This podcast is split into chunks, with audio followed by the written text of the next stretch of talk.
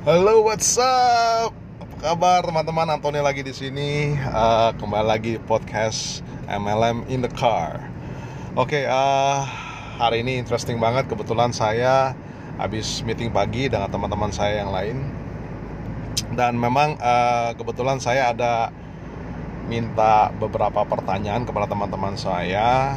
Apa sih yang menjadi struggle? Apa sih yang menjadi pertanyaan? Yang paling besar dalam bisnis MLM. Nah, jadi pertanyaannya cukup menarik sekali sebenarnya. Eh, pertanyaannya itu adalah bagaimana caranya kita merubah belief orang tentang uh, bisnis MLM atau produk yang kita mau jual. Oke, tapi sebelum saya mengupas tuntas pertanyaannya, nah sebelumnya saya mau mengajak teman-teman semua nih uh, kebetulan nanti di bulan November ya di bulan November uh, kami ini seluruh distributor dari bisnis MLM yang saya jalankan ini kebetulan akan kedatangan si Mr. O. Mr. O adalah the founder atau CEO-nya dari uh, bisnis MLM yang saya jalankan. Jadi kebetulan kita akan ada mengadakan seperti mini global conference ya. Karena international global conference ini kebetulan memang belum pernah dilaksanakan di Indonesia.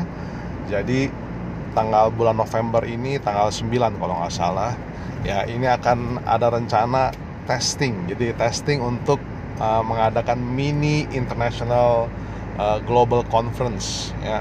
Jadi kalau buat teman-teman memang misalnya uh, minat ini kebetulan diadakan di Bali ya jadi kita bisa sambil santai-santai di Bali jadi kalau misalnya buat teman-teman yang tertarik pengen tahu ya uh, bisnis MLM apa yang saya jalankan terus pengen hadir di acara tersebut untuk bertemu dengan siapa sih foundernya foundernya siapa sih Mr. O ini well uh, I'm more than happy to welcome teman-teman yang mau hadir di acara tersebut ya acaranya akan seru sekali pasti kita juga akan pasti berhadapan bertemu muka dengan para leaders-leaders uh, internasional seperti di Amerika, di uh, Malaysia, Thailand dan Singapura dan masih banyak lagi di berbagai negara. Jadi well uh, buat teman-teman kalau misalnya pengen tahu yeah more than I'm more than happy to welcome you guys girls to come over to our event. Oke okay? belum tahu berapa harga tiketnya tapi uh, saya sounding dulu aja sekarang. Jadi uh, well part of a marketing campaign so so to speak. Oke okay, anyway uh, itu saja dulu. Jadi uh, tanggal bulan November tanggal 9 kalau nggak salah acara mini conference-nya. Jadi if want to know more information, please feel free to contact me. Oke. Okay? Nah, uh, kembali lagi ke pertanyaan tadi ya. Pertanyaannya adalah bagaimana sih cara kita merubah belief orang tentang MLM atau tentang uh, produk yang saya jalankan. Nah, saya uh, very brief aja saya jelasin kepada dia bahwa Oke, yang paling penting adalah untuk uh, meyakinkan orang itu sebenarnya bukan tugas kita ya. ya in any in, in, in any business mau kayak itu MLM atau tidak, we are not in a convincing uh, people punya bisnis. Ya, jadi kita memang bisnisnya adalah lebih kepada kita memberikan informasi. Tentunya uh, meskipun at the end of the day adalah menjual, tetapi kita there is no way untuk kita meyakinkan orang untuk atau untuk merubah persepsi orang. It's not it's not our it's not our obligation it's not our job. Our job is uh, to convey the information. Seperti kayak mungkin saya ada cerita kemarin podcast yang kemarin. Nah jadi berangkat dari sana yang yang yang kita harus lakukan adalah bagaimana kita merubah belief mereka.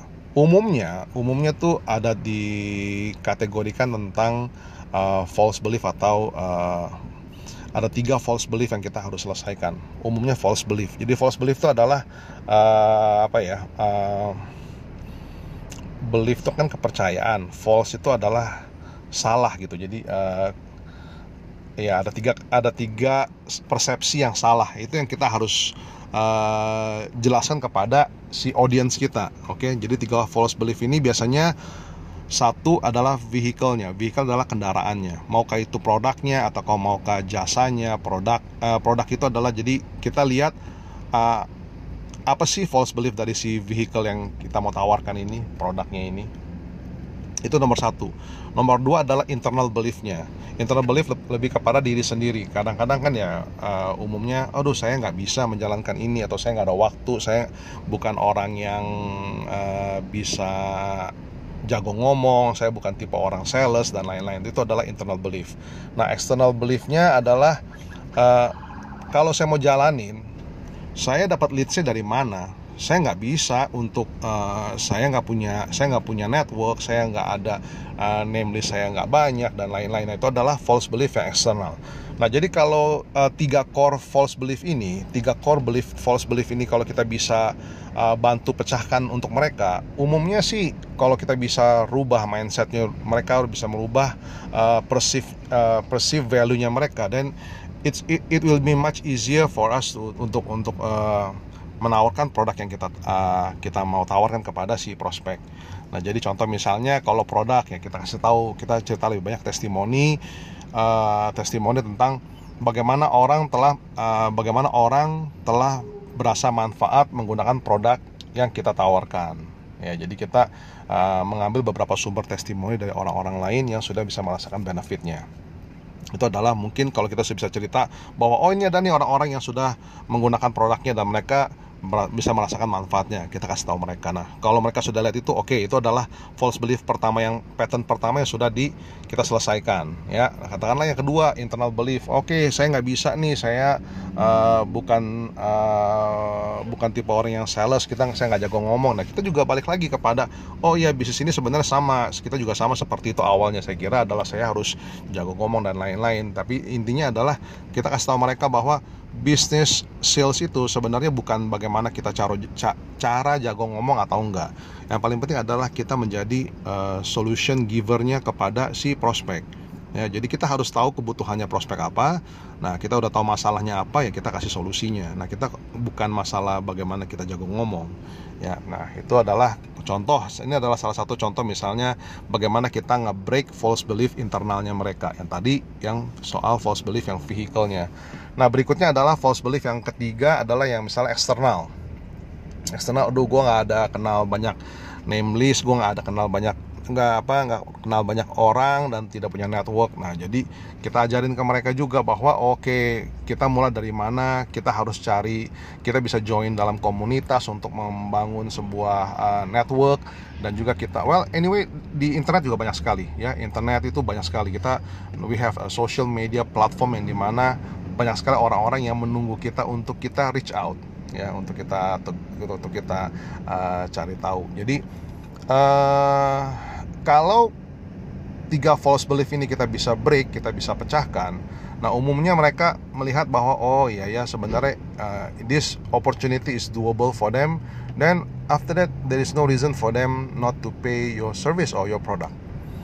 So basically itu jadi sebenarnya kita harus insert abis setelah kita break all false beliefnya ya kita harus uh, kita harus uh, insert ya insert kita masukkan a new belief so that they have the confidence untuk uh, bisa join di dalam bisnis MLM-nya kita atau bisa uh, join bergabung menjalankan bisnis MLM atau bisa punya confidence untuk bisa menjual produknya atau jasa yang kita tawarkan.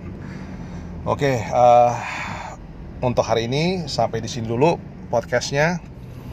Buat teman-teman ingat kalau misalnya tertarik dengan acara mini global convention kita ya di Bali bulan November tanggal 9 bisa uh, jangan ragu-ragu untuk kontak saya ya untuk mencari tahu informasi. I'm more than happy to, help, to help. Oke okay? sekian dulu dari saya hari ini. Salam sejahtera dan sukses selalu. And get rich. Bye bye